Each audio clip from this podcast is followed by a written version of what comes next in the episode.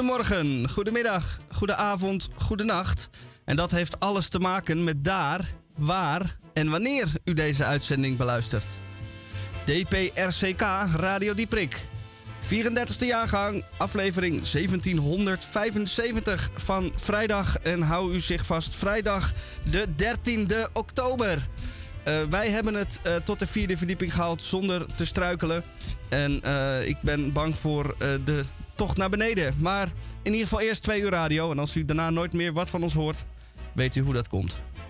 Het is de uh, 286e dag van het jaar. En we gaan er meteen uh, feest van maken met, in deze uitzending. Want vorige week zat ik hier alleen met een uitzendkracht. Maar nu zijn wij vandaag weer gedrierlijk tezamen. Met Tamon J. van Blokland en Rosa Klamer. Goedemiddag. Hey, wat fijn dat we weer zijn. Althans, ik. Ik vind het fijn. Nee, wat fijn dat ik er ben. Nee, zoiets. Ik ben ook blij dat ik er weer ben. Nou, en ik ben heel blij dat jullie er zijn. Ja, ik ben ook blij dat jij er bent. Nou, wat fijn. En luisteraars, we zijn ook blij dat jullie er zijn. nou, we hebben iedereen gehad. En de koffiejuffrouw en de technicus van dienst. Uh, wat hebben wij allemaal in de uitzending vandaag? Uh, natuurlijk de Groene Amsterdammer met Tamon J. van Blokland. Uh, zeg maar nee, dan krijg je er twee. Of eigenlijk drie. Want het is twee keer de Groene Amsterdammer en één keer de Nieuwe Amsterdammer. Toch? Dat komt omdat uh, de, de, de, de nationale postbezorging wel een steken laat vallen. En dat, die steken kunnen heel interessant zijn. Want dan kan je bijvoorbeeld er één een groene krijgen en dan meteen de volgende dag opnieuw één. En dan heb je er twee. En dan zie je dat de een dus een week oud is en de uh, die andere dus helemaal vers van de pers. En dat je, ja, ik kan ze eigenlijk allebei gewoon doen. Ik zou ze ook op kunnen sparen. Dat ik gewoon een, een één keer per jaar gewoon uh, er, er uh, een stuk of vijftig achter elkaar doordraai of zo. Of zoiets dergelijks. Dan maak ik een dagje van. Zo, of een weekendje. Italië heeft jou wel goed gedaan. Je bent opeens heel positief aan het communiceren. Ja, Waar is het geklaag? Ja, Misha en ik hadden het er nog over van... we missen Tamel zo, we missen zijn geklaag. Maar er is iets veranderd in Italië. Er is iets wezenlijks veranderd in Wat Italië. Wat is er gebeurd in Italië? Nou, dat doet Italië met je. Je hoeft er maar een week naartoe en opeens ben je een ander mens. Ben je zacht geworden? Nou... Nou, je was altijd al wat, zacht. Je hebt weer wat liefde voor de mensheid en oh, voor, ja. de, voor de wereld uh, teruggekregen. Ja. we zeggen, er is weer hoop. Nou, we zien je volgende je week, kijken of het er ja, dan nog is. Nee, dat kan, laat je niet zomaar varen. Wat nee, er dan nee, nog nee, van is. Nou, mm, dan komt de winter wel niet. mee door. Ik weet het niet. Gewoon alleen limoncello nou, en jongens, pasta, dan jongens, hou je het een beetje daar vast. kom ik de winter mee door, zei ik al. mooi, mooi. Nou, ik uh, uh, ben ook blij dat Rosa weer terug van weg geweest is. Goedemiddag. Goedemiddag. Wat, hoe zit jij erbij? Ja, ik zit er goed bij. Ik heb weer een boek meegenomen. Leuk. Ja. Um, ja, je moet er maar mee doen, hè, dat ik dat steeds voorlees. Jullie hebben ook niet gezegd of jullie blij mee zijn, maar ik ga het gewoon doen. En um, nee, jullie zijn er wel blij mee, dat weet ik. Ik maak een grapje. En uh, verder, verder zijn, we, zijn wij samen naar een film geweest. Ja, zeker. Dus daar gaan we het ook over hebben. Een enorme klassieker van uh, 79 jaar geleden. Wow, dat heb je snel uitgerekend. Ja. Hey jongens, was die ook zwart-wit, of niet? Nee, natuurlijk. Nee, nee. Ja, hij was Nee, dat hoeft niet per se. Er Nee? waren toen al kleurenfilms. In Jazeker. 1944? Jazeker. Nee. Ja? Wel. Wel, wel. Echt? Die waren er al, ja. Schaars, maar ze waren er wel. Oh. Oké. Nou, deze Zoek was maar het niet. op. Maar goed, in feite doet het niet toe. Maar er werd, veel, er werd eigenlijk alles werd zwart-wit gedraaid. Omdat het al voldoende zei. Het was- ging over de fotografie. En niet over de, de kleuren van de ijsko. Of eh, een Wes Anderson film met een decor van 1700 kleuren. Daar ging het niet over. Maar goed, jullie zijn de, eh, de Sturges film gezien, hè? Was het niet zo? Dat wil ik allemaal graag horen straks. Ja. Wat er van bijgebleven is bij jullie eh, intellectuele breinen. Nou, we hebben eh, analyse hebben. hersens erover laten kraken. Dus Ja, dat, wordt, wel, dat wordt met een analyse, dat wil je niet weten. Mm. Verder eh, lees ik ook nog even tussen neus en lippen door straks een DCVM voor. En hebben we natuurlijk de Krompraat onder de redactie van mevrouw de weduwe Denderen Edelenbos, zeg maar Dora. En ik ben vorige week door Hendrik Haan op mijn vingers getikt dat ik er ook aan moet toevoegen dat het is van Urk. Dus. Had ze ook niet een hondje? Nou, Dat je moet zeggen dat ze uit Urk komt? Ja, Waarom is dat belangrijk? eh, omdat dat, eh, dat zal ik Henk, eh, Hendrik eh, gaan vragen. Maar hij had me met klem benadrukt dat dat eh, er enorm toe doet. Ik snap Ja. het wel. Het is wel. Het is wel interessant als iemand uit Urk komt. Nou nee, Precies. het heeft alles te maken met die geografische bijzonderheid van Urk. Namelijk dat het een eiland was. En je weet hoe, hoe eh, zuinig je altijd moet zijn met de spullen op een eiland. Je weet nooit wanneer de, boot, de volgende boot komt. En zo is het ook met taal gegaan. Dus de woorden die daar aanwoeien, woeiden, die, daar moesten ze zuinig mee omgaan. Dus ze moesten gewoon met beperkte middelen moesten ze toch een uitdrukking vinden. Wat heb je dat mooi gezocht? Of mooi. eh, Laten we liedje Wat een spelen. prachtige analyse. Ja, laten we inderdaad dat gaan doen. Dus dan eh, rest mij niks anders dan te zeggen.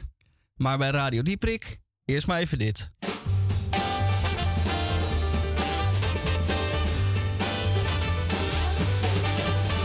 De wereld heeft mij failliet verklaard.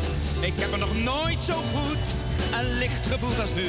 Ik heb me nog nooit zo schoon en bevrijd gevoeld als nu. Weg met de kroegen, weg voor zuip.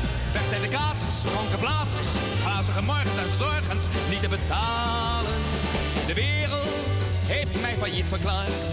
Het is een verbazingwekkend lot waar men mij weer stoorde. Een verbazingwekkend slot van wat eens bij mij behoorde. Geen parasieten, geen geblij, geen gestroop meer en gevrij. Geen gelik meer, het is voorbij, niets meer te halen. De wereld heeft mij failliet verklaard. Het is een geschenk van God en niet van de maatschappij. Het is een geschenk van God en dit is wat hij zei. Je moet weer werken, je moet weer zingen, je moet weer lachen. Je moet weer spelen, je moet weer geven en beleven. Je moet weer stralen. De weg is vrij, de weg is open. De weg is mateloos van mij. Zonder bagage kan ik weer lopen, want ik ben nu vogelvrij. De wereld heeft mij failliet verklaard. Ik ben ontstegen Ik ben ontstegen aan het matteloordeel. Ik heb niets meer te verliezen. Ik heb alleen te winnen, te beminnen, te beginnen. Ik ben niet meer te achterhalen.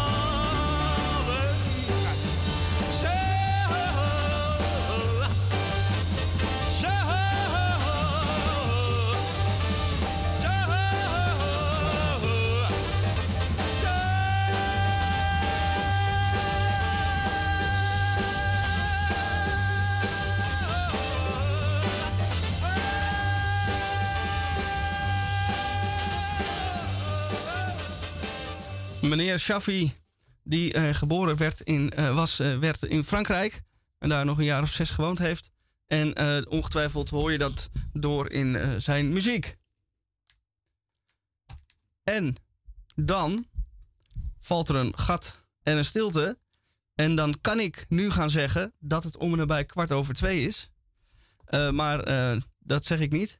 Want we gaan even nadenken over het leven. Hoe was het gisteren?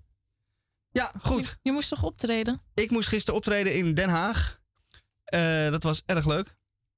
In een eh, brasserie onder ergens een, eh, in het conservatorium. En daar beneden is dan een bar. En hadden ze een heel heus podium opgezet. En daar heb ik wat liedjes gezongen samen met nog wat andere artiesten die ook. het was een collageavond. En erg gezellig. En omdat er zoveel ramen waren en het eh, van buiten makkelijk eh, bereikbaar was, liepen er ook gewoon wildvreemden eh zo naar binnen. En ik heb weer daar een optreden afgegeven. En dat ging goed. En toen, het was een optreden van een kwartier. En dat was wel mooi. Dan zit je in de trein naar Den Haag. En dan zing je een kwartier. En dan ga je weer terug. Dat is het echte leven. Dat is het leven, ja. Je hebt een paar, eh, een paar liedjes die, eh, die je hier en daar probeert. Dat zijn try-outs. En Juist. Heb je er ook eentje van gezongen? Een van die try-outs? Dat klopt. Ik heb een eh, nieuw liedje gezongen. Gisteren. Ja. Echt? Ja, Om even op het publiek te testen. even op het publiek te testen. Ik was wel ergens, eh, eh, maakte ik een tekstfout. In de zin dat ik het eerste couplet en het tweede couplet omdraaide. Dat is iets wat het publiek niet doorheeft. Maar ik kreeg er wel een rood hoofd van. dus dat eh, was eh, vervelend. Maar ik beloof nu bij deze dat volgende week. Want buiten de, eh, tijdens het lied werd mij al gevraagd waar mijn gitaar in hemelsnaam was. Die komt volgende week. Maar ik ben wel benieuwd hoe reageerde het publiek op je nieuwe nummer. Goed, het was een lied met niet zo veel grapjes erin. En het, ik zong het als laatste. En de eerste twee liedjes waren wel met grapjes. En wat er dan gebeurt is dat het publiek eh, op zijn stoel gaat hikken en wachten op de grap. En dan bij, Zijn ze teleurgesteld? ja, en dan steeds bij aan het eind van de zin komt er geen clue of geen punchline. Maar dan willen men dat wel, dus dan doe, hoor je af en toe. Omdat ze toch, Ja. ze willen lachen, maar er valt niks te lachen. Maar dat moet er toch uit op een of andere manier. Dus dat is op zich wel een leuk gegeven ook. Het is, wel, het, is, het is wel leuk om te horen. de Inside grappen van, van de kant van de entertainer, entertainer. Want normaal ben je natuurlijk alleen maar toeschouwer. Maar het is wel leuk om eens te horen van zo'n. Van iemand die ook werkelijk op het podium staat, hoe je, dan, hoe je zo'n publiek bespeelt. En dan ben jij, jij bent het publiek tenslotte. En dan denk je wel eens, oh ja, oh ja. Maar jij, jij onthoudt dat dus wel. Want ik heb altijd als ik... eh, moet je even je telefoon uitzetten, Tamon? Ik heb dus altijd als ik op een podium sta, dan heb ik een blackout. Dus dan kan ik me niet meer onthouden wat er is gebeurd. Echt? Ik weet ook niet meer wat ik heb gezegd. Oké. Maar ik, heb wel, ik doe het vaak wel goed, maar ik weet niet meer wat er gebeurt. Heb jij dat niet? Ja, ja, dat heb ik. Ja, ik heb één keer eh, een stand-up comedy gedaan in eh Toemler. Wat nogal eh hoogdravend is. Het publiek verwacht daar veel. En ik stond daar als totale beginner wat betreft stand-up comedy. En toen kwam ik ook het podium af. En toen wist, kon ik me eigenlijk inderdaad niks meer herinneren van wat ik gezegd heb en, eh, en zo. Dus dat, ja, ik, eh, ik herken het wel. Maar met dat liedje zingen zit ik iets, eh, Ja, dat kan je gewoon. iets meer ervaring. Ja. Ja, zeg, dat die, die, die, die stress die vaagt gewoon je herinnering uit. Ja, dat is een beschermmechanisme van de hersenen en van het lijf op eh, al die ellende die overkomen is even daarvoor. Van die ogen die je aan lawine, zitten te die, staren. eh, ja, die vrachtwagen die op je afkwam, al die angst. Ja, ja, ja, ja, zo werkt dat. Eh, en ik zat daar eh, voorafgaand aan het gebeuren. Stond de, een muzieklijst aan. En toen draaiden ze dit nummer. Toen dacht ik, oh, dat vind ik een leuk lied. Dat gaan we nu meteen ook draaien.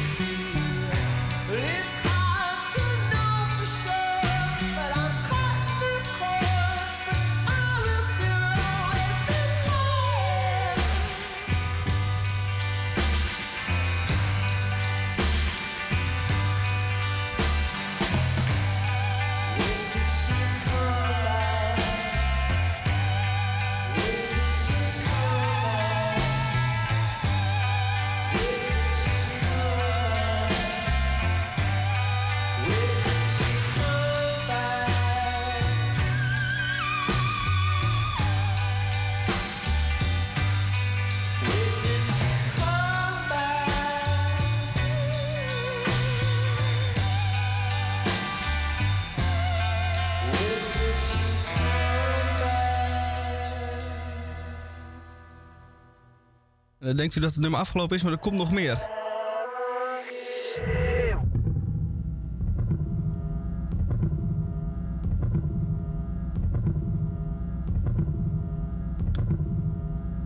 Man, in alle opzichten een buitengewoon maf nummer. Het klinkt als uh, Golden Earring 1964 in een schuurtje en, lenen en een geleende basgitaar.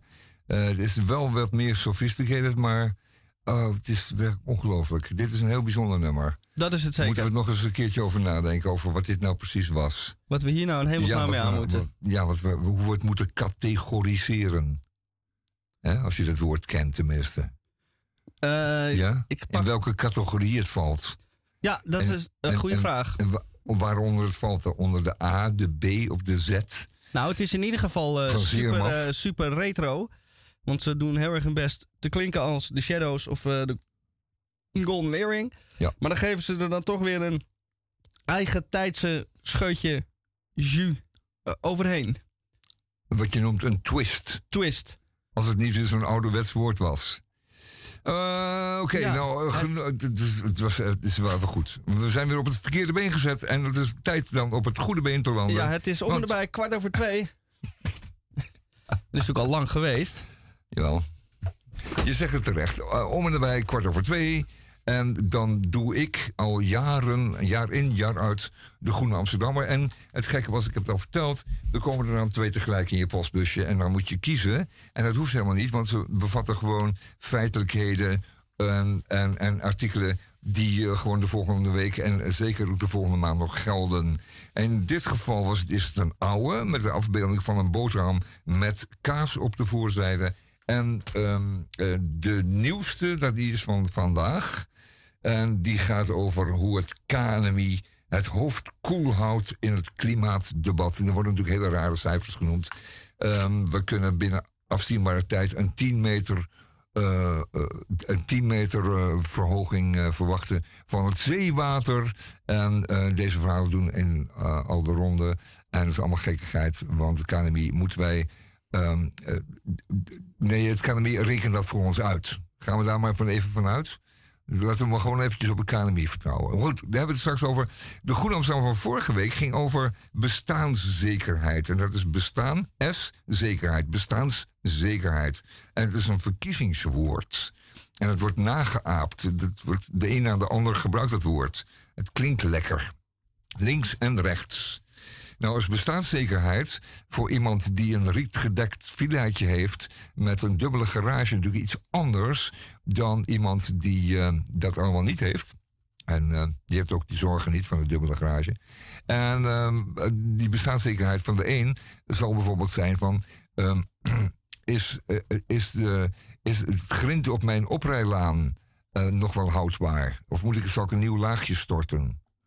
Want eh, als je bestaanszekerheid daarvan afhangt, van het smoel wat jouw opleidpad maakt in jouw buurt.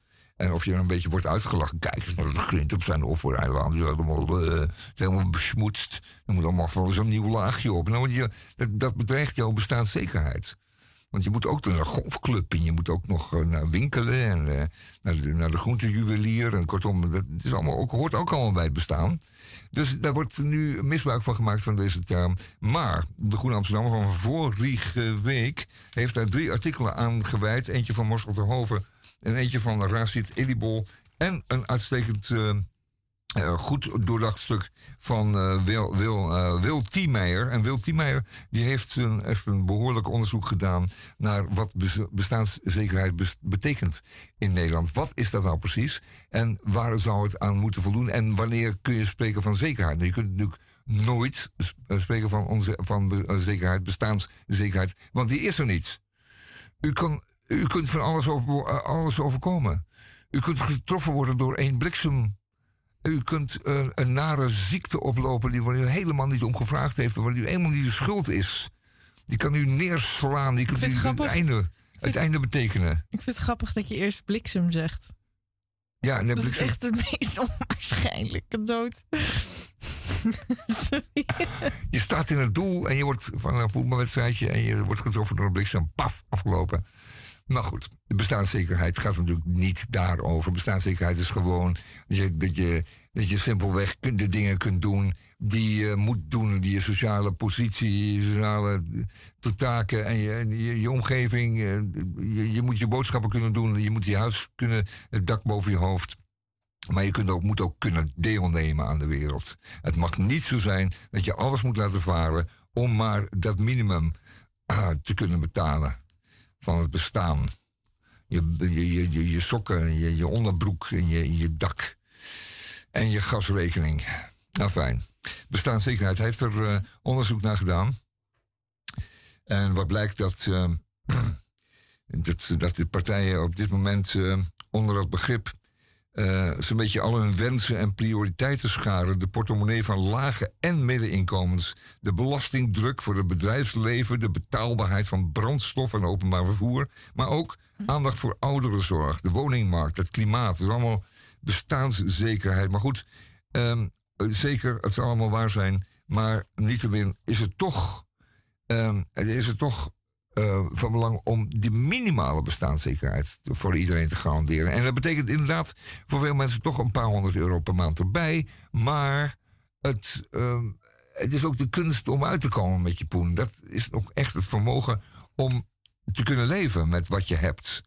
En, uh, maar we willen ook, steeds meer. Ik wil niet veel zeggen hoor, maar ik ja. gevoel, we worden ook alleen maar verwender en verwender. We kunnen echt wel, ja, ik weet niet. Nou ja, we willen ook steeds meer. Ja, maar we moeten niet. Je moet niet zo snel. Ja, maar je moet niet zo snel spreken van we. Nee, ik bedoel, we als in Amsterdammers ook wel vooral eigenlijk. Ja, nou is Amsterdam. De rijke Amsterdammer. Ja. Nou, we. Hier. Hij zegt. Doen vermogen. Het, het vermogen om het ermee te doen. Het vermogen om um, om goede intenties ook daadwerkelijk om te zetten in bijpassende actie en bij tegenslag toch door te zetten en weerstand te bieden aan allerlei vormen van afleiding en verleiding. Een grosso modo, zegt hij, is doenvermogen hetzelfde wat psychologen vermogen tot zelfregulatie uh, noemen. En dat is natuurlijk ook iets wat je moet bezitten om te kunnen doen met wat je hebt. En dan helpt het niet als je er 500 euro bij krijgt, want het wordt dan dezelfde puinhoop in je leven dan ook zul je de dingen geld uitgeven aan de verkeerde zaken, aan onnodige zaken.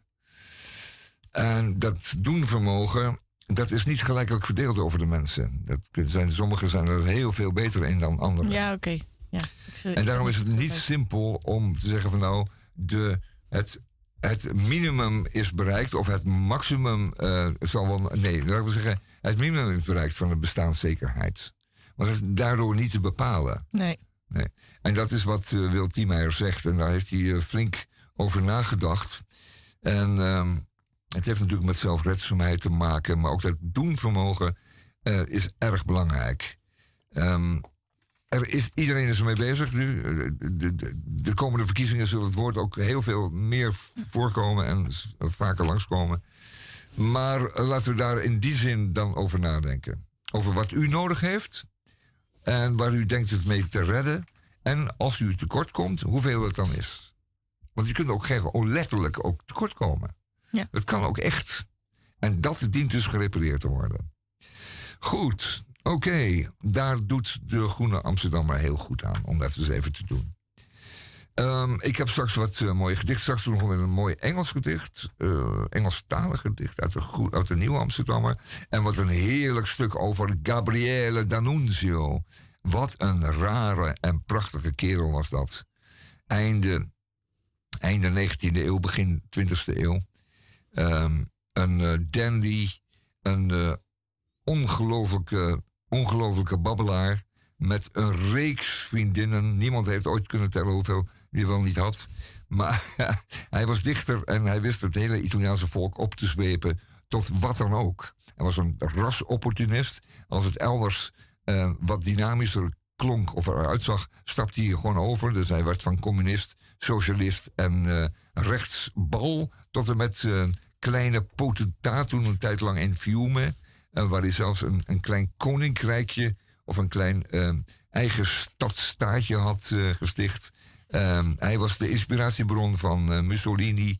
Hij, uh, hij was een, uh, een prachtige figuur. En kon werkelijk ook schrijven. Dat was, eh, eh, gaat u dat, zoek u dat eens op, Gabriele D'Annunzio. Mag ik die foto zien? Ja, ja, ja, je mag je zien, ja. Hij lijkt een beetje op mij. Ja. Enorm. Nee. Helemaal niet. Oh, helemaal niet. Oh, het is wel een eh, knappe man, ja. Oh, zie je wel. Een goede snor. Dus toch. Ik denk dat ik mijn snor laat staan. Dat is het ding wat zeker is. Hey, ik eh, geloof het wel eventjes zo. Met die groene Amsterdam. Maar het is gewoon een beetje too much. Ik snap het. Dan komen we even bij met Bram Vermeulen.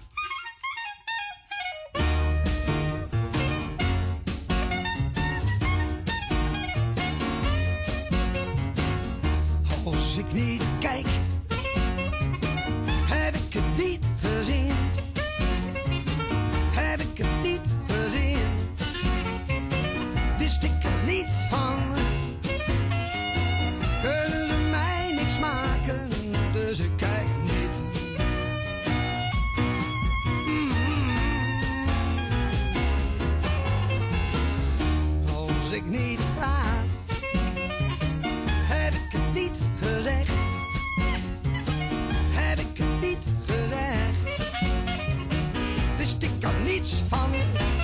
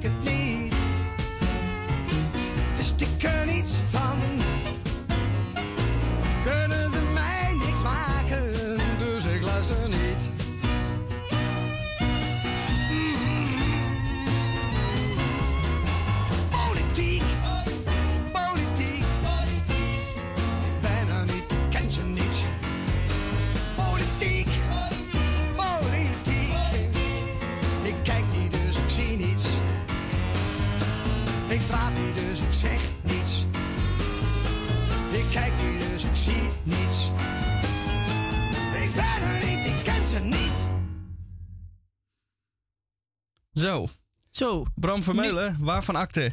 Bram Vermeulen. Bram Vermeulen? Bram Vermeulen. Vermeulen. Ja. ja. Wie ook nog goed is met woorden.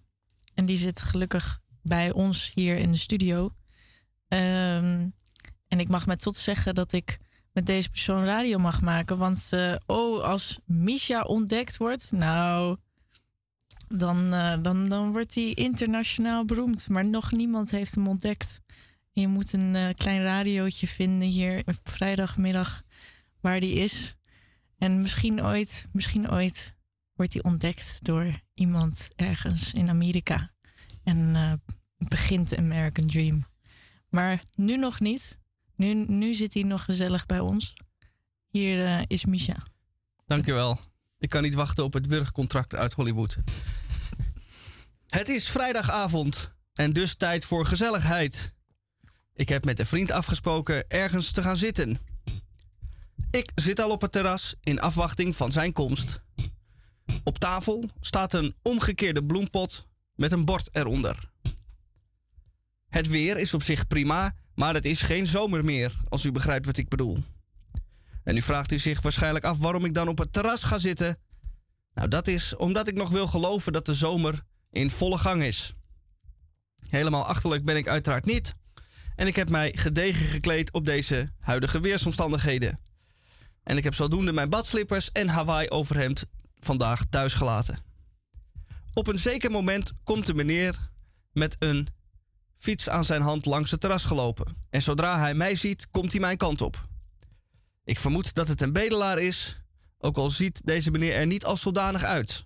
Hij draagt nette schoenen, een enigszins afgedragen, maar wel nette broek, overhemd, verlept colbert en een chic bruine leren hoed. Al met al netjes verzorgd dus. Ook de bril en het horloge van de man verraderen een zekere mate van welgesteldheid. Toch blijf ik een bedelaar vermoeden en mijn intuïtie laat mij niet in de steek. Zodra hij bij mijn tafeltje staat, wil, begint hij te spreken. Sorry, mag ik u wat vragen? Hij wacht mijn antwoord niet af en vraagt meteen of ik wel Nederlands spreek. Ik antwoord instemmend en dan kan het gebedel beginnen. Ik ga rustig achterover zitten en wacht met welk verhaal en met welk smoesje hij op de proppen komt. Leger des Heils, geld voor een treinkaartje, iets te eten. Meneer, weet u, ik ben op dit moment uh, wat krap bij kas en moet zo dadelijk om tien voor negen bij een vriend zijn en hij krijgt nog een tientje van mij. Nu kom ik nog 1,70 euro tekort. Heeft u dat toevallig? 1,70 euro valt nog best mee. Meestal krijg je een blanco cheque overhandigd met de vraag hoeveel je kan missen. Maar deze vaste prijs van 1,70 euro vind ik zeer schappelijk. Maar hier blijft het niet bij. Als een echte tweedehands autoverkoper vervolgt hij zijn fantastische aanbod. Ik heb als dank wat boeken en dvd's in mijn fietstas zitten. Waar houd je van? Lees je Nederlands, Engels, kijk je films? Nou, zeg ik, dvd's hoef ik niet. Maar boeken vind ik wel interessant. Maar dan wel in het Nederlands. Ja, ja, nou, die uh, heb ik, zegt de bedelaar terwijl hij in zijn fietstas graait. Kijk, bijvoorbeeld deze. Hij legt een groot boek met de titel NLG voor mij op tafel neer. Is dat wat voor jou? Ik antwoord door te zeggen dat dat niet helemaal mijn voorkeur wegdraagt en snel haalt hij het boek weer weg en tovert hij weer een paar nieuwe boeken tevoorschijn. Het lijken allemaal boeken die je in zo'n meeneem graaibak tegenkomt. Maar ze worden aangeprezen alsof het literaire, literaire meesterwerken betreft, waar menig antiquariaat jaloers op zou zijn.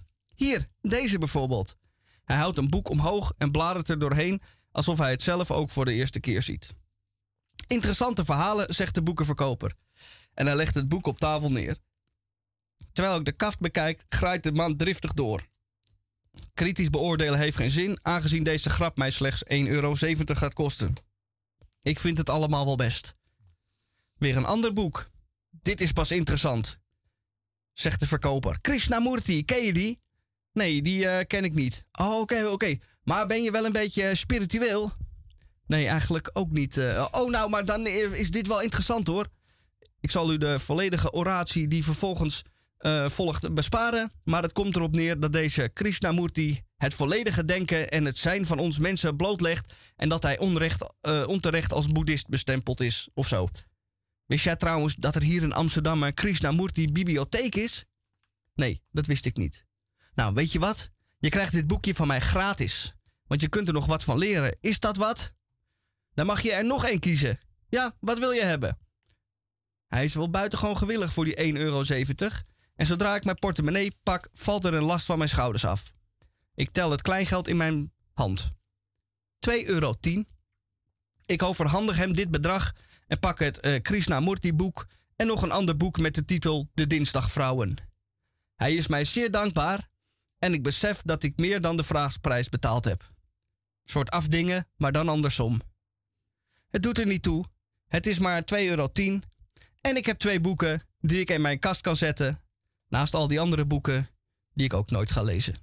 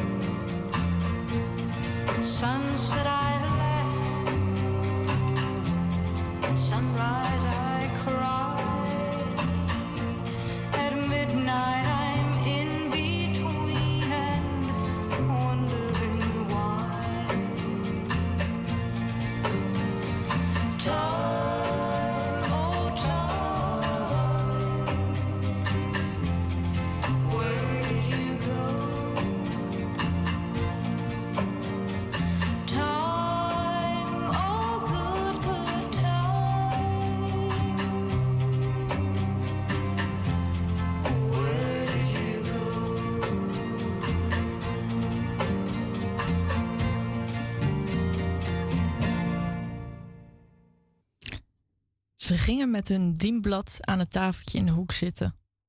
Tegenover hen zaten een paar jongens van de Mathletes, onder wie Kevin, die op zijn leeftijd al een indrukwekkende volle baard had en de hele tijd paranoïde onzin uitsloeg. En Andrew, die in een rolstoel zat. Wat iedereen op school heel erg voor hem vond, maar ook weer niet erg genoeg om bij hem aan tafel te willen zitten. Ze aten macaroni met kaas en het gesprek ging, dankzij Kevin, weer over complottheorieën. Op zijn laptop zat een sticker met 9-11 Inside Job. Hij was ervan overtuigd dat de regering zelf voor de aanslagen verantwoordelijk was. Dat was aan de hand van stofdeeltjes te bewijzen. Francis luisterde maar half.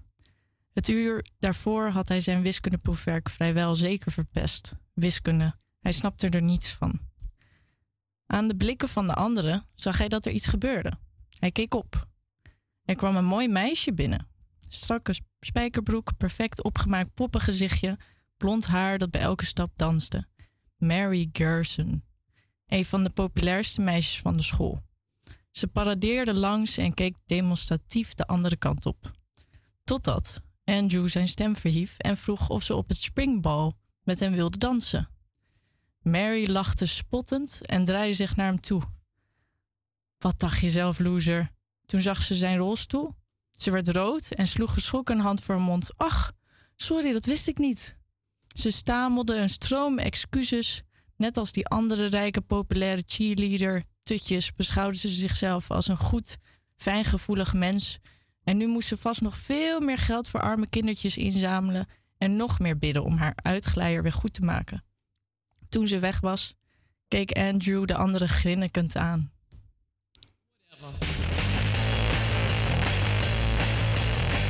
I went down to the beach and saw Kiki. She was all like, eh, and I'm like, whatever.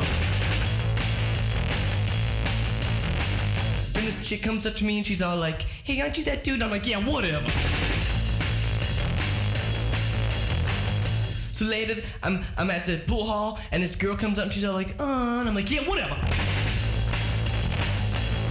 Cause this is my United States of whatever. And this is my United States of whatever. And this is my United States of whatever. And then it's 3 a.m. I'm on the corner wearing my leather. This dude comes up and he's like, hey, punk. I'm like, yeah, whatever.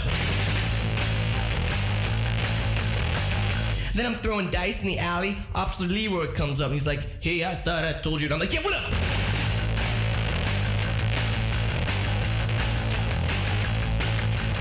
And then up comes Zaffo. I'm like, yo, Zaffo, what's up? He's like, "Dud." I'm like, that's cool. Cause this is my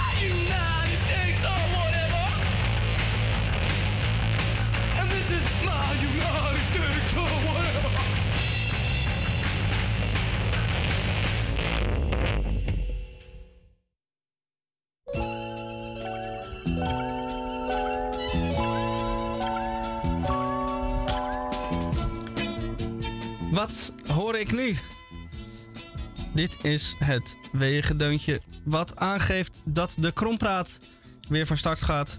Mevrouw de D. den Denderen Elenbos eh, op Urk heeft ons weer allemaal woorden gestuurd. Ik heb er een vijftal in totaal. Zal ik ze nu gewoon even alle vijf opnoemen? En dan Ja, is goed. mogen jullie kiezen. Ik vraag me altijd af. Jij doet altijd heel verrast als dit liedje opkomt. Maar jij bent degene die het aanzet, toch? Ja, eh eh touché. Touché? Maar eh, ik probeer daarmee in mijn rol als. eh, Nee, maar ik bedoel niet per se met wat je zegt hoor. Maar ook gewoon net wat de luisteraars niet zien. Dan Oh, doe je ik- altijd een verrassend gezicht. Hé, jullie- hey, wat hebben we daar voor liedje? ja, dat is allemaal onderdeel van de, De show. van de show. Oké. Even checken. Eh, Even ik kijken. dacht, misschien, misschien heb je roulette aan of zo. Ik weet niet of dat kan. Nee, Maar dat je zelf ook verrast wordt. dat zou wel leuk zijn. Dat, Dat je zou gewoon, wel leuk zijn. dat gewoon het eerste lied, meteen, dat je meteen om vijf over twee krompraat eh, doet. Dan zijn we echt eh, verbaasd. Dat is een goed, eh, eh, goed idee. Dat gaan we erin doen. Gewoon een willekeurige krompraat. Ergens in de twee uur. Oké, wat zijn de woorden? De woorden zijn. eh, het is namelijk vrijdag de 13e. Dus die eerste is een beetje eh, toepasselijk. Eh, ongelukraak. Dat is één. Dan heb ik als tweede woord kinderkoraal. Kinderkoraal. Oh ja. En dan heb ik als derde woord kodakloos. Kodakloos. Eh, dan heb ik nog gemberteken. Als vierde woord. En dan heb ik ook nog jonge luier. Wat een leuke. Ehm, eh, jullie willen misschien wat bedenktijd. Zal ik beginnen met eh, een woord? Wil ik graag jonge luier eh, kiezen. Ehm, de huidige generatie, de jongste generatie, wordt wel als verwend en kleinzerig en zwakzinnig genoemd. Ze kunnen nergens meer tegen en ze zijn niks meer gewend. Iedereen gaat er maar vanuit, ofwel de jongeren gaan er maar vanuit dat alles vanzelf gaat. En zo is het natuurlijk ook met de jonge luier. Want eh, als je nog jong bent, dan eh, komen je ouders je helpen je billetjes afvegen en eh, je toiletbezoek helpen af te ronden. Maar er komt een moment dat je dat zelf moet doen. Althans, dat je dat zelf deed. Want dat is heel ouderwets. Want ieder mens heeft gewoon het recht op sanitaire assistentie. Maar die is er niet altijd overal. En daardoor, eh, daarvoor is dan dus de jonge luier eh, eh, uitgevonden. Zodat je niet zelf iets meer hoeft te doen. Want dat is niet meer van deze tijd. We hebben het recht op hulp. Op de pot. En als die hulp er niet is, dan maar de jonge luier. Dus voor mensen van onder de 25, die lopen tegenwoordig rond met een luier. Als je iemand op een fatbike ziet, dan weet je, hé, hey, die heeft een luier om. Dat was mijn woord. Goeie. Goeie. Ik, ik, eh, zie, ik zie wisselende eh, reacties. Dat is altijd ook zoiets in een. eh, als je op een podium staat, dan zitten er vier mensen heel hard te lachen. En er zit daar direct achter een zagrijn met zijn handen over elkaar. Alsof hij bij een begrafenis aanwezig is. Dan word je altijd een beetje eh, Een onzeker van. ontzettende eh, vrolijke en leuke crematie. Zal maar zeggen. Ja, Hè? Nou, Wat zo, eh, hebben we gelachen. Man, met een plezier gehad. Goed, eh, dat, eh, het is vandaag vrijdag de 13e. En gelooft u het of gelooft u het niet, maar je moet dus echt wat voorzichtiger zijn. En dat, dat- ik weet niet wat het ermee te maken heeft, maar wellicht eh, ben je, kom je door het besef dat het vrijdag de 13e is ook wat onbevangener de straat op. Zo van, eh, er kan mij niets gebeuren, want ik geloof er gewoon niet in dat het ongeluk je meest eh, in je in de nek kan treffen op een ongelegen moment. Maar wat was dat ene woord ook alweer? eh, ongeluk raak. Ja, ongeluk raak. En, en een ongeluk raak. En dat is natuurlijk ook precies waar het om gaat. Ongeluk raak. En luk raak kent u wel. Dat, dat, dat zal nou helemaal geen gemikte eh, steen zijn. Maar ja, goed, lukraak geworpen steen kan je eh, wel degelijk treffen. En dat is natuurlijk erg ongelukkig. Uh, ongeluk raak is wat dat betreft een uitstekend woord vandaag. Want eh, ja, je kunt erin geloven of niet. Maar eh, je loopt de berg op. En het is maar een gewone wandeling. Niks bergbeklimmen of zo met touwen en haken. Nee, je hebt gewoon een wandeling. En je 's morgens trek je een paar wandelschoenen aan. En je loopt met een bevriende kennis dat wandelpad af. En plotseling eh, begint het te regenen. En dan weet je, eh, ofwel ik had mijn paraplu mee moeten nemen... of je moet goed naar boven kijken. Want door regen worden vaak eh, hoeveelheden modder en steen in beweging gebracht. Dat kan een klein waterstroompje zijn en die spoelt dan wat steunende modder weg. En dan komt die, eh, die steenmassa aan het rollen. En dan kun je door getroffen worden en dan kan je zomaar je leven verliezen. En dat is dan ongelukraak ben je getroffen. En dan moet je in een, eh, een dichtgesoldeerde kist naar huis. Dat is ook allemaal niet leuk hè, voor de nabestaanden. Ehm, dus. Ja, dat geeft weer zo'n rompslomp. Hè? Ja, een Al, beetje oppassen. al die, Ik kan wel een beetje oppassen vandaag. ja. Blijft u vooral binnen en houdt uw radio dieperik aan. Dan komt het goed. Nou ja, luister naar de adviezen. Dat zou ik zo zeggen. We Zeker. hebben nog meer adviezen tot vier uur. Maar deze was toch wel even eentje om in de oren te knopen. Oké, nou, ik heb ook een woord. Namelijk, ehm, ik ga altijd op vakantie met eh, mijn analoge camera. En eh, dat, vroeger, toen ik daarmee begon, was het allemaal heel ingewikkeld. Hoe, hoe, hoe eh, verwissel je nou zo'n Kodak-rolletje? Zo'n filmrol. Dat vond ik heel ingewikkeld, vooral omdat ik dat helemaal niet gewend was. En dat duurde ook heel lang voordat ik dat echt onder de knie had en het uit, uit automatisme kon. En eh, dus de eerste keer toen ik op vakantie ging met mijn analoge camera, eh, was ik helemaal eh, blij dat ik daar eindelijk foto's mee kon maken en dat ik niet de hulp nodig had van een camerawinkel om die filmrolletjes te verwisselen. En eh, dus ik was op vakantie, ik had mijn filmrolletjes mee. En helemaal blij. Nou, filmrolletje in mijn camera was vol. Dus ik dacht, nou, die moet ik verwisselen. Ik kijk bij mijn filmrolletjes. En ik zie inderdaad dat doosje waar dat Kodak-rolletje altijd in zit. Die zit erin. Dus ik denk, top, die ga ik verwisselen. Doe ik dat doosje open, zit er geen Kodak-rolletje in. En dat bedoel, dat bedoel je nou met Kodak-loos. Je hebt altijd van die beschermhoesjes over die filmrolletjes heen. En je denkt dan, oh, ik heb gewoon dat filmrolletje mee. Want je ziet dat doosje. Maar dan kijk je in dat doosje en dan zit dat Kodak-rolletje er niet in. En dan kan je geen foto's maken, want je, je bent ze vergeten. Kodakloos. Kodakloos, dat is me een paar keer overkomen. Oeh. Maar dat is pijnlijk, dat is pijnlijk. En met dat doosje bedoel je dat, dat kokertje? Dat, Dat kokertje, ja. kokertje. Ja, Grijs met een zwart grijs dopje. met een dopje. Ja. Ja, en vaak maak je dan de fout. Dat je, ja, maar dan, weet, dan heb je niet goed gekeken of gevoeld of er nou echt iets in zat. Je denkt, oh, ik zie dat ding. Het, er zit er vast een filmrolletje in. Nou, dat zat er dus niet in. Kodakloos. Oké, dat is wel een beetje een eh, soort van ongelukraak bijna wel. moment. Ja, ja, bijna wel. Oké, dat komt was het dan. Hè? Alles wel weer samen. Ja. Heel mooi Nou, straks nog een paar.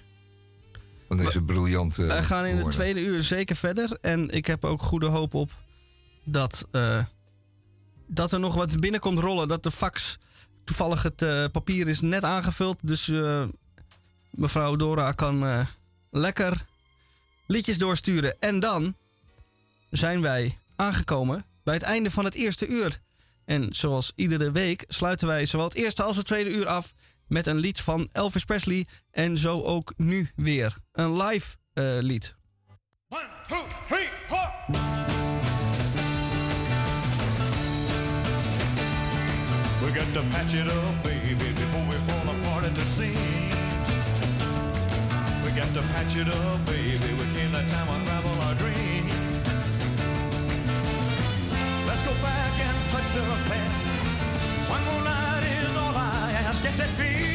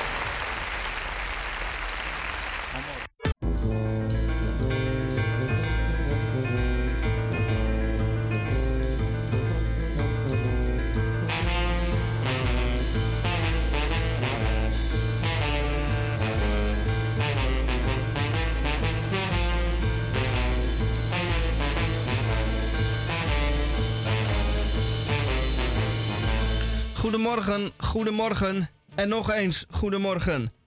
Dat heeft ermee te maken dat ik geen goedemiddag en goede avond en of goede nacht zeg vandaag. En dat heeft alles te maken met daar waar en wanneer u deze uitzending beluistert en het feit dat het vandaag vrijdag de 13e oktober is. Aflevering 1775. Het is de 286ste dag van dit jaar. En dat eh, is vrijdag de 13e. Ik zit hier veilig in de studio. Ik heb voor de zekerheid mijn gordelriem omgedaan. Stel dat ik van de stoel val, dan val ik niet heel hard. Wat gaan wij het tweede uur nog doen? Wij zijn eh, in ieder geval eh, naar de film geweest. Tamon had niet één, niet twee, maar drie blaadjes meegenomen. En hij heeft er volgens mij maar één behandeld. Dus we gaan hem even aansporen om die andere twee ook nog te doen. En dat doet hij vast eh, fantastisch.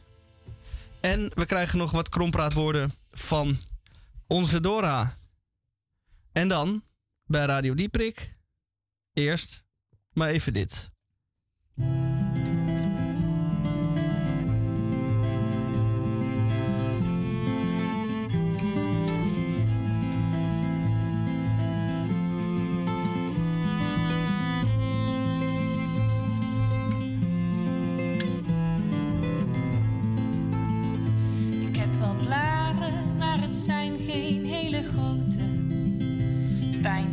Tussen je oren, pijn is fijn. Pijn is als je hart is gebroken. Ik heb geluk slechts een wandelaar te zijn. Ik hou niet zo van sporten, wel van lopen.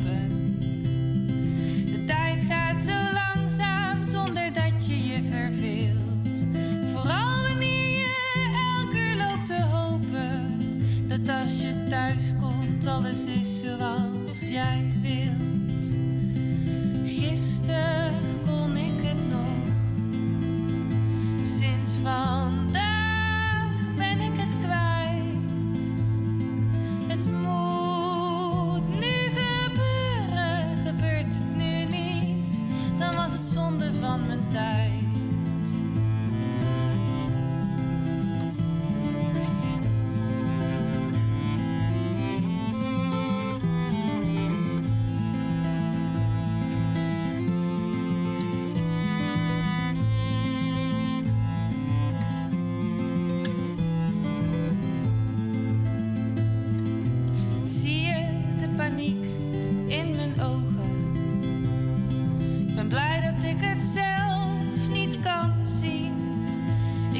was echt leuk.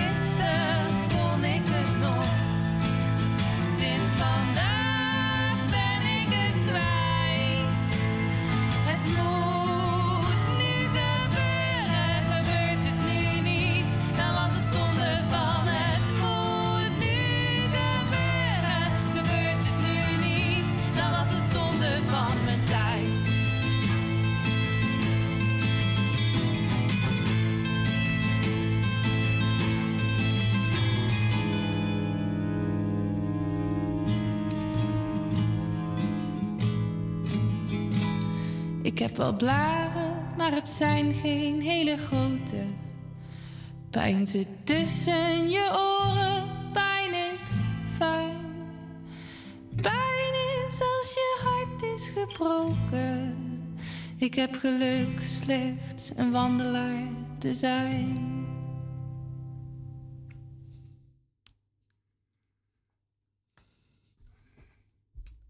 Even een, ehm, een klein intermezzo. Ehm, de wereld is weer in eh, turbulentie. Ehm, allerlei mensen hebben een standpunt en een mening. Er gebeuren vreselijke dingen. En eh, dan weer opnieuw in eh, Israël en omgeving. Maar ik wil eventjes wat voor, voorlezen. En wel het volgende. Het speelt, ehm, het speelt in 1943. En wel op 16 oktober. U denkt dat is over een paar dagen. Ja, dat klopt wel. Voor een paar dagen is het. Is het eh 70 jaar geleden. Zeg ik dat goed? Nou, het doet er niet toe. 70 jaar geleden. Samen met uw familie en met de andere Joden die deel uitmaken van uw huishouden, zult u worden overgebracht. Op een klein papiertje stond dat. Naar SS-troepen in de vroege ochtend van 16 oktober 43 overhandigden aan de familiehoofden van de huizen van het ghetto in Rome. In Rome. Ongelovig lagen ze. Neemt met u mee distributiepasjes, uw identiteitskaarten, drinkglazen en vergeet niet de deur van uw woning goed af te sluiten, af te sluiten met een sleutel. Even daarvoor ehm, was er een blackmail van het goud geweest. De SS-commandant Herbert Kappler, God mag zijn ziel eeuwig laten branden, Herbert Kappler, die had eh, de Romeinse Joden opgelegd dat ze binnen 36 uur 50 kilo goud moesten leveren aan hem. En dan zei hij, dan zal geen enkele Jood worden gearresteerd. Dus ze konden het afkopen met 50 kilo. Nou, die 50 kilo die kwam er in 36 uur. En die werd getoucheerd door de heer Kappler. Ehm, de Joden in eh, Rome die dachten dat de paus over Rome waakte. Dat was paus eh, Pius XII. En waarvan we weten dat hij, eh, dat hij helemaal nergens over waakte. Hij heeft daar niet voor op zijn sodemieter gekregen na de oorlog. Ze hebben hem nog bijna heilig verklaard, paus Pius XII. Maar goed, een zakkenwasser was het. Zieken, stond ook op het briefje, ook de zeer ernstig zieken kunnen onder geen beding worden achtergelaten. Twintig minuten na het aannemen van dit papiertje moet die familie klaarstaan voor vertrek. En toen werden ze in open vrachtwagens via, ehm, via het Vaticaan, langs het Vaticaan gereden. Paus Pius die keek uit het raam en die zag dat, die deed geen flikker. Ehm er werden twaalf, nee, duizend mensen toen in die vrachtwagens vervoerd naar het Stazione Tiburtina. En het Stazione Tiburtina is een station, treinstation in Rome. Het twee na grootste station van Rome. En daar was ik van de week. En toen moest ik daaraan denken, want ik kende dit verhaal al. Tiburtina was het startpunt van een helse treinreis van vier dagen in veewagons naar Auschwitz. En van die duizend mensen zijn er 16 ooit teruggekomen. 16. In één keer was de gehele Joodse bevolking van het Romeinse ghetto afgevoerd via Tiburtina. Dus als u die naam nooit eens hoort, Statione Tiburtina, dan weet u dat. Dan kunt u zich dat herinneren. 16 oktober 1943. Ik hoop dat ze die kapper ehm, hebben gevangen en dat ze hem hebben gestraft. Dat hoop ik. Ik weet het niet precies, maar ik hoop het. Dat was even. En ehm, om, om dit onzalige feit, maar het is wel een feit, te gedenken draaien we toch maar even deze muziek voor alle lieve Italianen.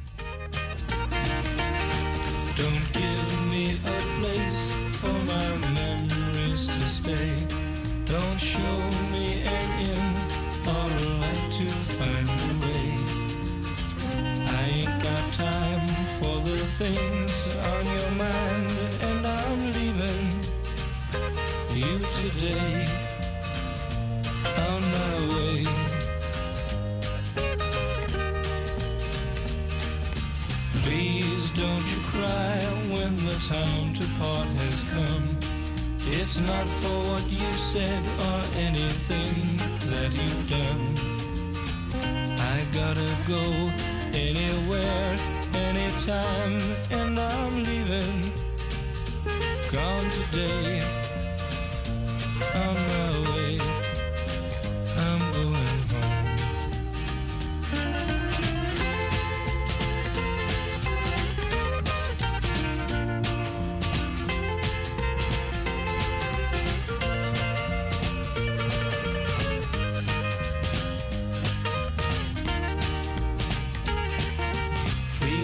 stick around to see me when I'm feeling low.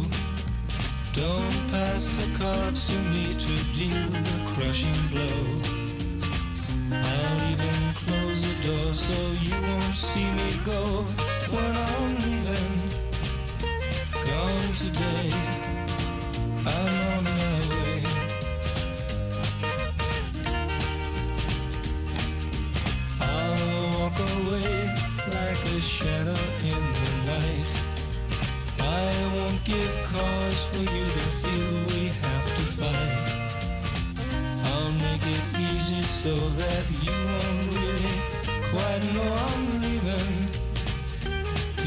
today.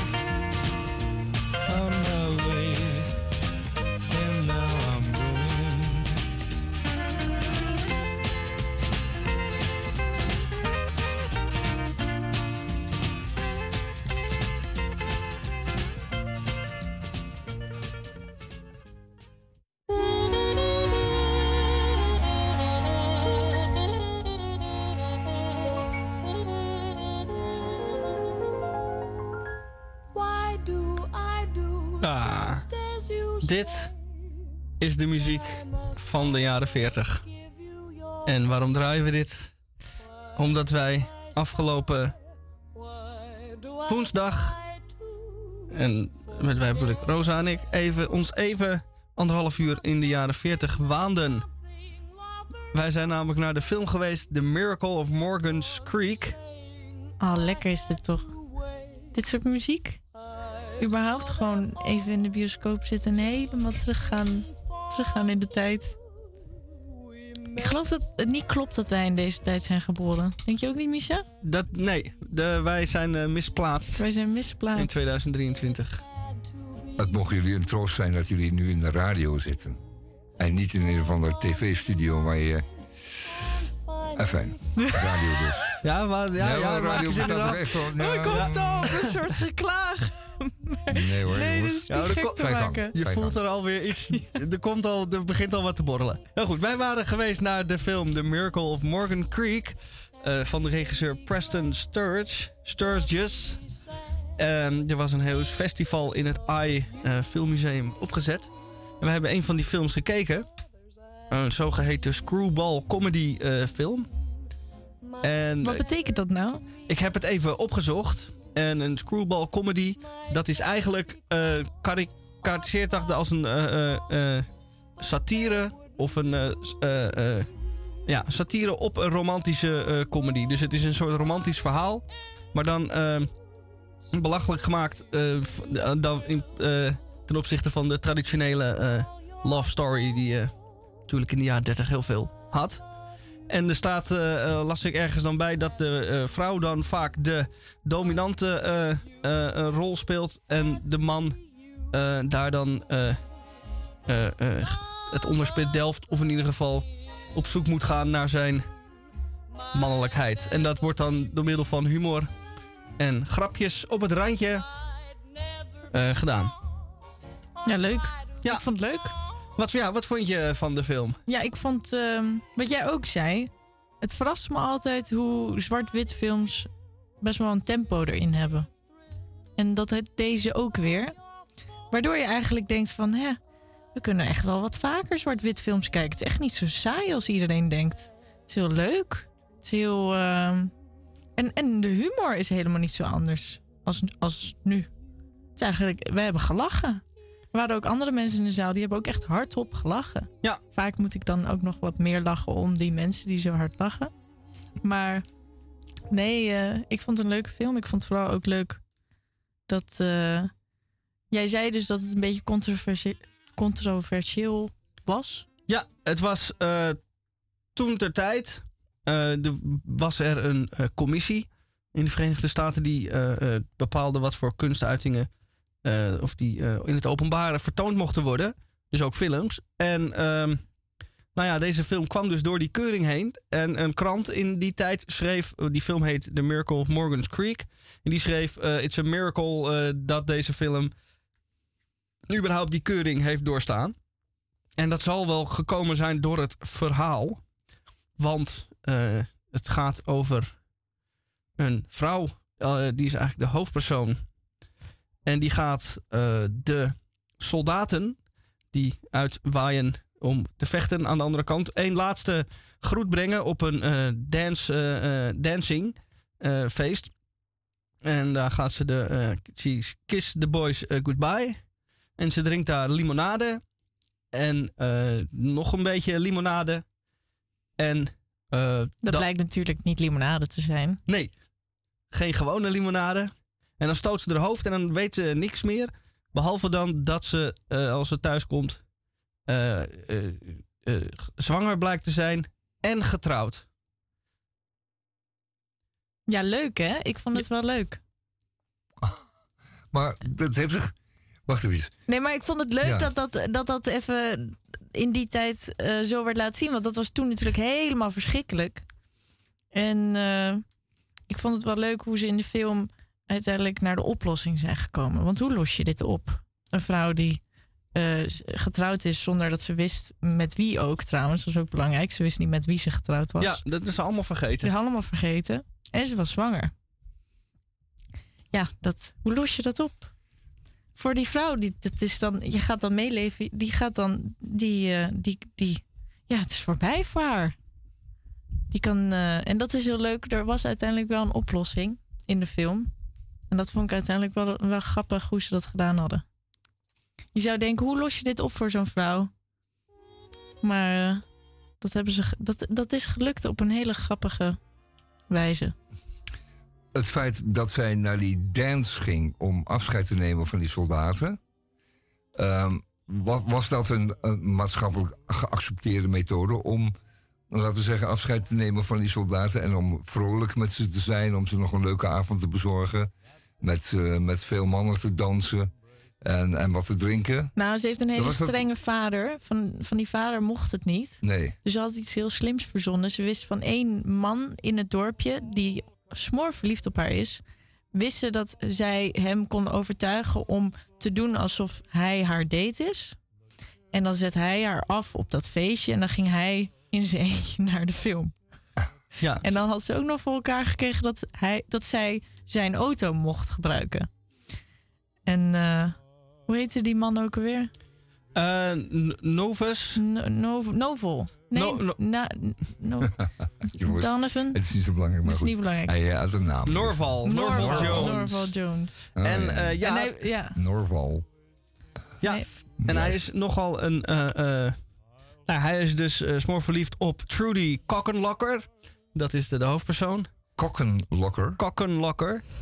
Ai. Ja, misschien zit daar ook iets van een Ja, eh, dubbele een beetje eh, bodem in. naam. Kokkenlokker. Ja. En Ik heb het eh, wel wel lach. Fijn. hij is een beetje een eh voetenveeg. In de zin dat hij alles doet voor haar wat zij wil. Ja, ja, ja. En, ja, dat doe je als je verliefd bent. En dan, Ja. dan kruip je als een... ja, dat is nou eenmaal zo. Ja, en daar maakt Trudy dan graag eh, gebruik van. Laat ik zeggen, misbruik van. Maar Eh. dan blijkt dus op een eh, gegeven moment deze Norval de grote speel te zijn die het grote eh, probleem kan oplossen. Want eigenlijk op driekwart eh van de film is alles eh, ingestort. Eh, dan wel eh, in de gevangenis, dan wel ontslagen, dan wel eh, verbannen. Alles is slecht afgelopen. En dan denk je, god, ze hebben nog 10 minuten. Hoe gaan ze dit nou in hemelsnaam rechtbreien? En met... Dat moet je niet verklappen. Nee, Of ga je dat, dat ga ik niet nou ja, verklappen. jongens, dit is een film uit 19, weet ik veel. eh, 44. 44. Ja, hij dra- hij die draait niemand wel nog- ooit meer zal zien. Hij Ja, draait wel hij- nog dit weekend. Je wilt Oh, dit oh, niet weten. Want als je dit weet, Oké, dan maar als hij nog dit film weekend draait, moet je het verpest niet voor vertellen. Nee, dan moet je het niet doen. Nee. Dus wij eh, zeggen niks. Maar op drie kast van een film grijp je eh, naar je hoofd en denk hoe gaan we dit ooit oplossen? Ja. Waar gaat dit want, heen? Ja. want Dat- dat is zij toch is de reputatie kwijt, ze is eh, dronken, zwanger. Hij zit in de Hij gevangenis. is in de gevangenis maar Ja. alles is echt misgegaan wat mis kon gaan. Ja. Terwijl het allemaal eigenlijk... Was het goed bedoeld? Was het ooit met de goede intenties gebeurd? Door haar bijvoorbeeld? Eh, zij nee, zij heeft een ontzettende karma gehad natuurlijk. Nee, nee, maar zij heeft van haar, van haar, ze heeft het geleerd wel. Van, eh, akkoord. Maar waarom is zij dan naar dat feest gegaan? Omdat ze werkelijk van overtuigd was... omdat ze heel veel aandacht kreeg van mannen. Oh, en dat, vond ze dus helemaal leuk en dat vond ze spannend. Oh, oké. Het was wel een ze beetje, naar het een beetje riskant wat ze deed. Ontzettend. Oké, dan wil ik wel graag weten of ze echt getrouwd was. Nee. Of eh, je bedoelt eh, uiteindelijk na dat. Ja, ja, ja. Wat bedoel je? Nou nee, kijk. ehm, als je als getrouwde vrouw naar zo'n bal gaat en je laat je zoenen Nee, door ze al was nog niet getrouwd. Oh, ze was getrouwd op dat feestje. Ze was heel dronken geworden en toen, toen is ze Oh, per oké. ongeluk Oh, dat getrouwd en Oh. zwanger geworden. Dat allemaal op dat feestje. Ja. Ja, ze komt met die geleende auto van Norval. eh, want Norval die zou dan, die wacht in dat eh, filmtheater. Die gaat dan drie films achter elkaar kijken. En dan eh, gaat Trudy gaat hem weer ophalen. Maar die Trudy die komt niet. En Norval, zo'n hij is, blijft hij eigenlijk gewoon in dat eh, filmtheater in ieder geval voor de deur eh, hangen. Gaat hij daar op de stoep slapen. En om acht uur s morgens komt Trudy vrolijk fluitend en nog enigszins beneveld van de limonade eh, met een aan in de prak, bijna in de prak gereden auto weer terug. En ze weet, lachend komt ze binnen en eigenlijk zijpelt dan langzaam binnen wat er allemaal gebeurd is. De waarheid zijpelt. eh, Die naar komt langzaam binnen, ja. Die heeft een hele wilde dag-nacht gehad. Avond, nacht. Juist. En Maar uiteindelijk is... eh zegt niets meer te weten of wist ook echt niets meer. Ze wist... wist echt niet meer. Nee. ja, dat is wel een mooie, ja. Die onthoud ik. Dus je, je stoot je hoofd en je weet niks meer en dan is het je allemaal vergeven. Ja, je denkt, hoe gaan ze dit oplossen? Maar ze gaan dit op een hele unieke manier oplossen. Ja. Sturgis. Nog, in dit, nog dit weekend in het in IAF Ja. Filmmuseum. Eh, het eh, festival loopt nog zaterdag en zondag. Noem nog eens eventjes de titel van de film. The Miracle of Morgan's Creek. Oké, als de miracle is, dat hebben jullie in ieder geval niet eh, verraden. Dus ga dat zien, zou ik zeggen. Wat is het helemaal? 12 piek? Niet zoveel, hè? Oh. Eh, neem een eh Cineville pas, dan... eh, Ja. Is het Of uw gratis? VIP-kaart. ja, dat is ook gratis. Een heleboel, ja, ja, ja, omdat het een museum is, geldt ook museumjaarkaart en zo, hè? Echt? Ja, ja, ja. Kun je gratis Het is naar veel de- museum. Nee. Jawel, ja, zeker wel. Ja, ja, ja. Oh, goed om te VIP-kaarten, allemaal gratis. Museumjaarkaart. ehm, Goed om te weten. ja, draai je vanavond nog Heerlijk twee, eh, filmmuseum. twee films van hem. Ehm, dus, ga daar naartoe. Weet je waarom ik ook merk dat ik een oude ziel ben? In het Ei Filmmuseum voel ik me dus ook minder op mijn gemak. Het is allemaal zo, zo strak en modern.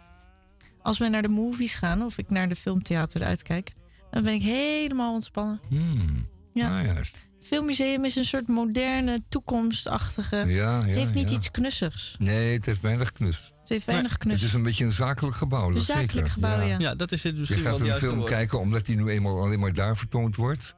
En behoort tot de collectie van het museum of anderszins. En Zoals jullie nu keken. Maar eh, om echt een, eh, de sfeer eh, komt er maar slecht in. Ja. Maar ik heb sowieso bijna niet met moderne gebouwen dat ik denk, hè, wat een goed sfeertje. Het is altijd strak. Altijd strak. Nou, de architect ervan, hè? Dat weet je. Groot en eh, een beetje onpersoonlijk. Dat kan heel goed werken voor een eh eh ziekenhuis entree.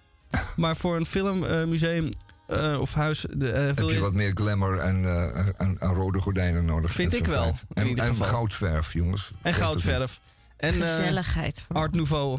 Ja, mooi tapijtje op de vloer. Zeker weten. Zullen nou, daar hebben we dus Ginski voor, godzijdank. Juist. Zullen wij... Ik eh eh, draai even een nummer uit 1944. Een eh, grote hit.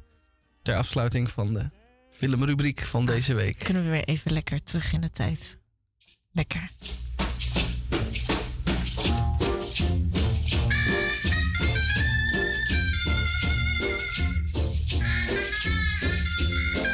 If you ever go down Trinidad, they make you feel so very glad. Calypso sing and make up rhyme, guarantee you one real good fine time. Drinking rum and Coca-Cola, go down Point Cumana, both mother and daughter, working for the Yankee dollar. Oh, beat it, man, beat it. Since the Yankee come to Trinidad, they got the young girls all going mad. Young girls say they treat 'em nice, make Trinidad like paradise, drinking rum and Coca-Cola. Go down Point Cumana, both mother and daughter, working for the Yankee dollar. Oh, you vex me, you vex me. From Chickachickarry to Mona's Isle, native girls all dance and smile. Help soldier celebrate his leave. Make every day like New Year's Eve. Drinking rum and Coca-Cola. Go down Point Cumana. Both mother and daughter working for the Yankee dollar.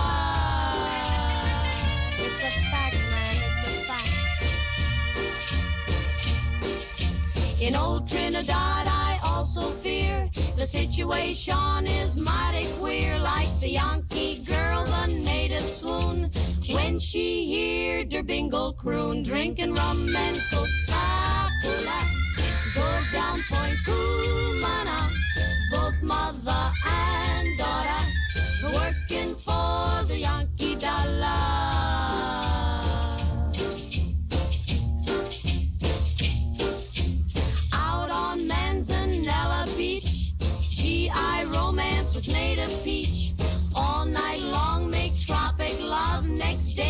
hot sun and cool off drinking rum and Coca-Cola. Go down Point Cumana, both mother and daughter, working for the Yankee dollar. It's a fact, man, it's a fact. Rum and Coca-Cola. Coca-Cola. Working for the Yankee dollar.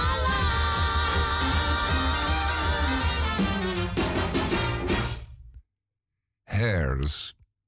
In 13 years of walking the mountain path, hares have been scarce. I've done the math. In all this time, I've seen maybe four or five.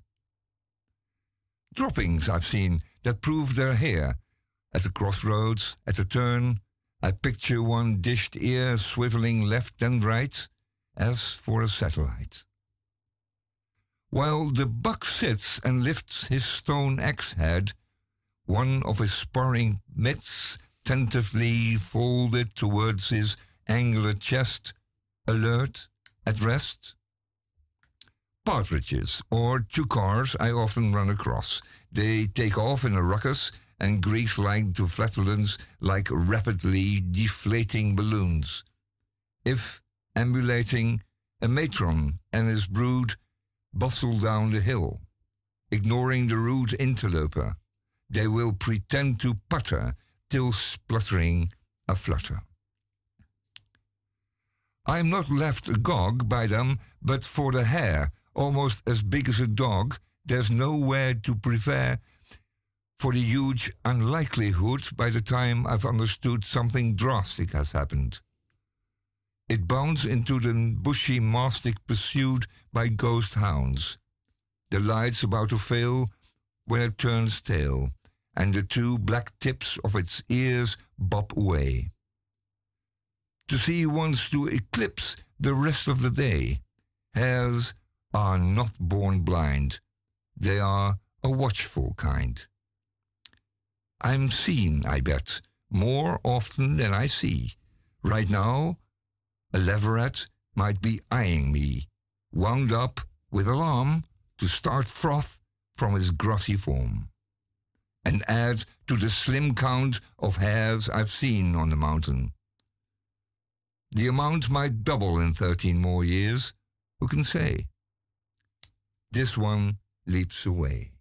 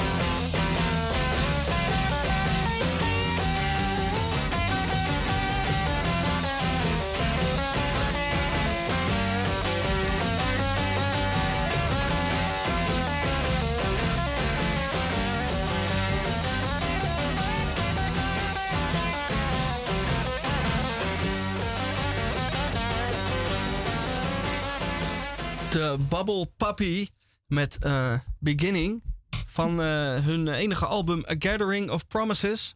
Ze hadden één lied, eh, wat Hot Smoke en Sassafras, wat ooit een heel klein beetje een hit werd. Heel klein beetje. En daar bleef het ook meteen bij, bij dit album. Maar als u van deze muziek houdt, ga dat album dan A Gathering of Promises zeker luisteren. Want er staan een hele hoop fantastische liederen op. Ik heb ooit een herdruk gekocht van die plaat. Daar was ik heel blij mee.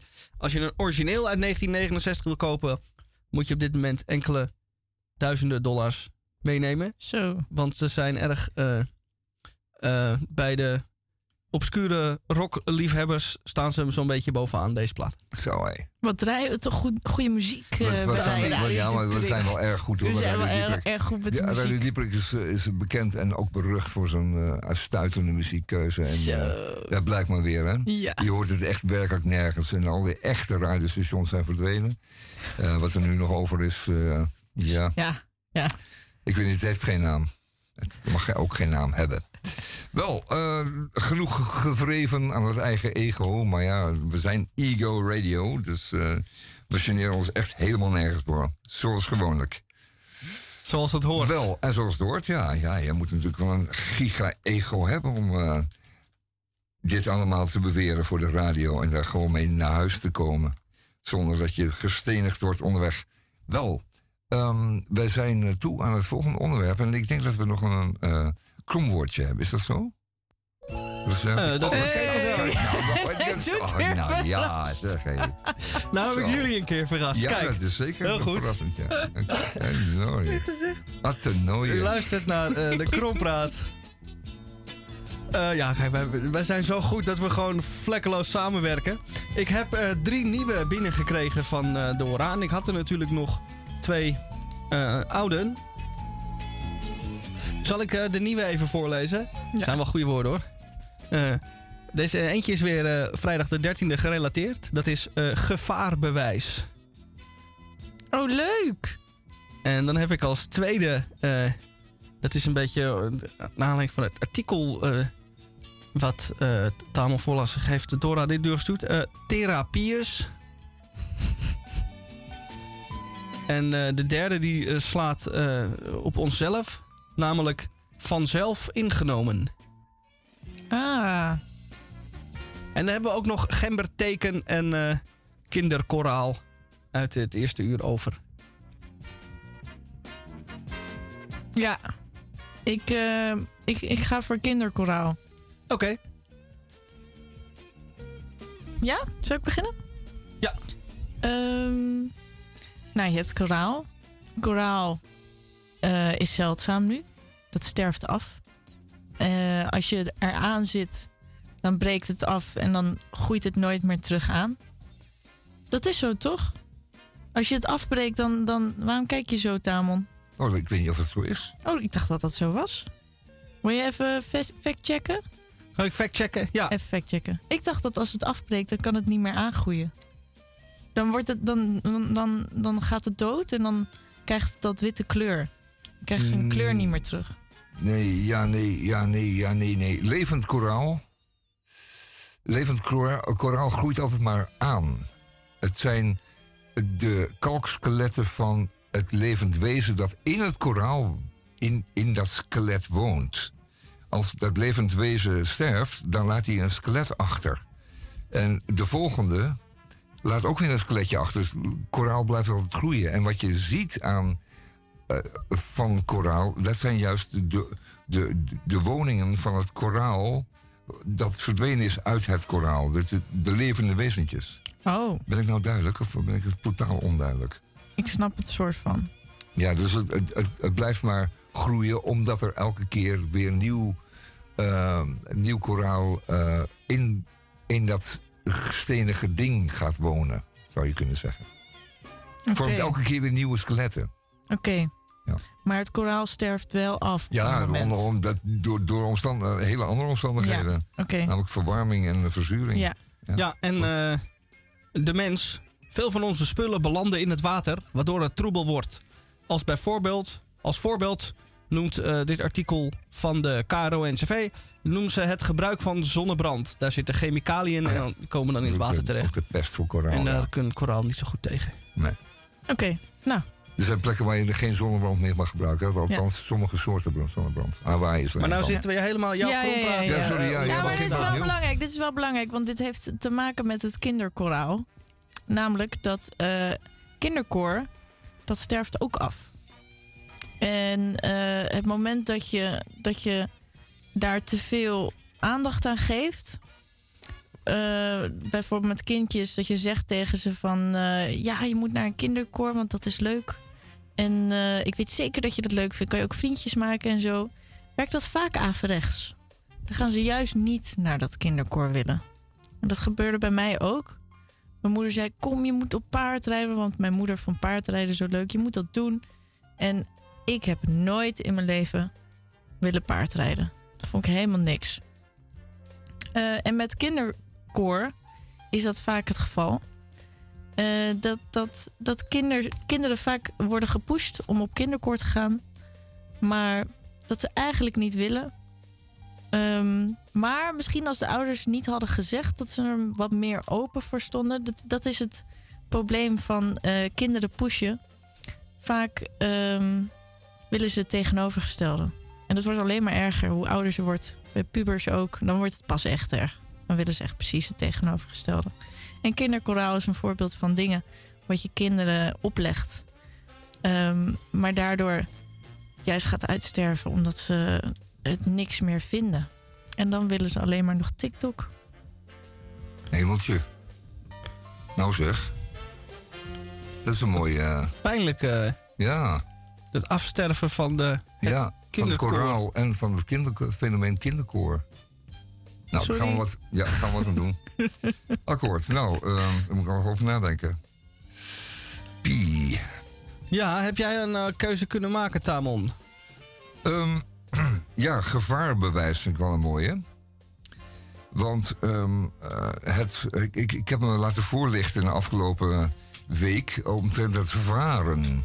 Het varen met schepen. Ik ben ook eh, in Napels geweest. En dat is een stad aan het water. Dat is een grote haven. Een gigahaven zelfs. Eh, enkele prachtige en zeer luxueuze jachthavens. Maar ook een eh, hele grote commerciële haven. En in die commerciële haven liggen al die grote cruiseschepen opge, opgelegd. Dus die, die winters dan, of tenminste dit seizoen dan niet varen. Of, of, of aan onderhoud zijn. Maar er liggen er gewoon 1, 2, 3, 4, 5, 6, 7 van die gigantische eh cruiseschepen opgelegd aan die kades. En ze zullen daar ook wel vertrekken en eh, gaan. Maar het blijft natuurlijk een gevaarlijke onderneming. Die zee is onvoorspelbaar. Eh, het kan alle kanten op klotsen. En, eh, en het is toch altijd zo dat, dat de zee en, en, en het water gevaar betekenen. En je hebt daarvoor nodig een vaarbewijs. En een vaarbewijs, dat is iets wat je kunt halen op een, op een, op een zeevaartacademie, een zeevaartschool. En daar leer je dus met zo'n groot gevaarte je over het water te bewegen op een veilige manier. En zeker cruiseschepen met al die duizenden, die, duizenden opvarenden, duizenden passagiers, moet natuurlijk uiterst zorgvuldig mee omgaan. Want één verkeerde handeling en het stomme schip loopt op de rotsen. En dan krijg je dan eh, enorm veel ellende van. Dat is een keer gebeurd ehm, bij een klein eilandje aan de, aan de Italiaanse kust. Waarbij de kapitein, en dat weet u allemaal nog, de kapitein eh, iemand de groeten wou doen door vlak langs het, eh, het eilandje te varen. Hij kende iemand op het eilandje en zegt: Nou, ik vaar hem wel even langs, dan zie je me gaan. Nou, dat had hij niet moeten doen. Costa eh, Concordia. de Costa Concordia. en die liep daar op de rotsen die dan slecht op de kaart waren aangegeven. Oh, zijn er rotsen? Nou, te laat. Dat ding dat scheerde er al langs, liep vast.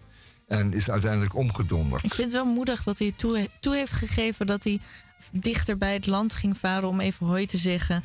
Want Dat heeft hij nooit, dat heeft hij nooit willen Oh, dat heeft hij nooit willen Alleen toegeven. degene die, eh, die, die bezwaard zou worden... Dus die op dat eilandje woonde, die heeft later toegegeven dat de kapitein tegen hem, heb tegen hem had gezegd: van ik kom langs varen, dan kun je me zien varen. Leuk hè? Oh. Fijn.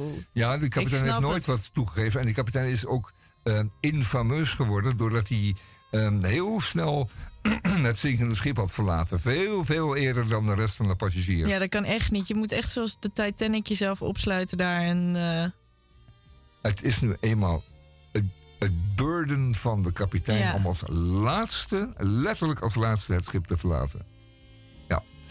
Letterlijk als laatste. Er is een... eh, Het is, het is wel voorgekomen dat zo'n kapitein werkelijk nog als laatste in het water sprong. Nadat dus alle reddingsschepen al weg waren. En zei van, ik blijf als de laatste. Ik wil er zeker van zijn dat ik de laatste van ben. Oh, wauw. Ja, zeker. Wat een mooi verhaal. Ja, heeft ja, hij het ja. overleefd? Eh, Die, zulke kapiteins bestaan er. Maar heeft hij het En die, en die, overleefd? die vinden dat een grote eer om dat te mogen zijn. Maar heeft hij het overleefd? Ja, ja toen wel. Ja, dit verhaal wat ik nu ken, wat ik vertelde, die heeft overleefd. Maar het wordt als een grote plicht en een grote eer gezien om dat eh, te zijn en te mogen doen. Dus, ja, je eh, hebt ook meteen al je respect teruggewonnen. Ja, natuurlijk. Ja, natuurlijk. Als het allemaal zeker als het buiten jou, jou, eh, jouw verantwoordelijkheid is gebeurd. Niet als je met opzet of met, door domheid op een rots vaart omdat je iemand de groeten wil doen. Dat is natuurlijk dat is bij de wilde spinnen af. Dat, dat, eh, Er is een opname van de kustwacht. eh, Ja. Die scheldt hem helemaal verrot. Omdat hij eh, eh, eh, van boord gaat. gegaan was, bleek te zijn. Ja. En, die en, en die kustwacht die schat hem verrot en die zegt: Ga nu ogenblikkelijk terug op dat schip op. Want het schip lag direct aan de kust. Maar hij heeft gewoon geen karakter. Nee, het was een, Ik bedoel, als, als je een- al sowieso. het was een schip zo slapjanus dichtbij- die niet, zich niet realiseerde dat hij daarmee zijn reputatie volkomen te grammel gooide. En dat hij nooit meer verkering zou krijgen. is karma. Ja, karma, maar weet. Hij kreeg nooit meer verkering, eigen stomme schuld. Nou, je weet het niet. Het zijn vaak ook wel weer. Nou, ga maar door. Oké. Ja, ja, hoor maar. hoor maar. Comandante, non mi la... Mi chiami immediatamente Ja, Italianen. Ja, zo dus. Och, Ja, zo dus, ja. Dat, dat, dat, dat, dat. Ja, ja, ja, ja. Nou, dan gooi ik er ook nog een woord eh, voor u eh, in. Met uw goedvinden. En dat is dan vanzelf ingenomen. Vanzelf ingenomen. En wat is dat? Zelf ingenomen. Dat eh, zijn wij natuurlijk. Als wij hier zitten op vrijdag. tussen 2 en 4. Maar er is een groot verschil tussen mensen die eigenlijk niet zo goed zijn en heel onzeker zijn en zich dan maar groot voordoen. Dat zijn mensen die bijvoorbeeld eh, aan het eind van de avond gaan vechten buiten. Eh, kom dan. Want dan moeten ze laten zien hoe stoer ze wel niet zijn. Of mensen met. Of eh, van die mannen met die motors die heel veel geluid maken. Precies. Zo. Die zijn ontzettend zelf ingenomen. Maar je hebt ook mensen, ehm, zoals wij, drieën. Wij zijn gewoon echt goed. En als je echt goed bent, dan ben je niet zelf ingenomen. Maar dan ben je vanzelf ingenomen. Want wij zijn gewoon van nature fantastisch. Dat zijn wij. Vanzelf ingenomen. Wat mooi, Mies. Goed hè? Goed, hè? Zo, eh, dat wordt wel, dat wordt wel de tekst. Ego Radio. de- ja, Welkom ja, to dat the wordt wel Ego de tekst, Radio. de, de tekst onder ons eh, radioprogramma. Fantastisch. Ja, vanzelf ingenomen. Wij kunnen het bijna niet helpen. Ja, sorry jongens. Ja, sorry. sorry. Drie ego's en dan aan één tafeltje. Goed hé. We worden ook altijd. We, worden met, we gaan ook altijd weer weg met een groter ego. Het groeit. zeker. Zeker. Ik moet altijd bukken als ik hier de deur weer uit wil. Zo groot ben ik geworden. Over vanzelf ingenomenheid gesproken. Goed jongens, hé. Fantastisch.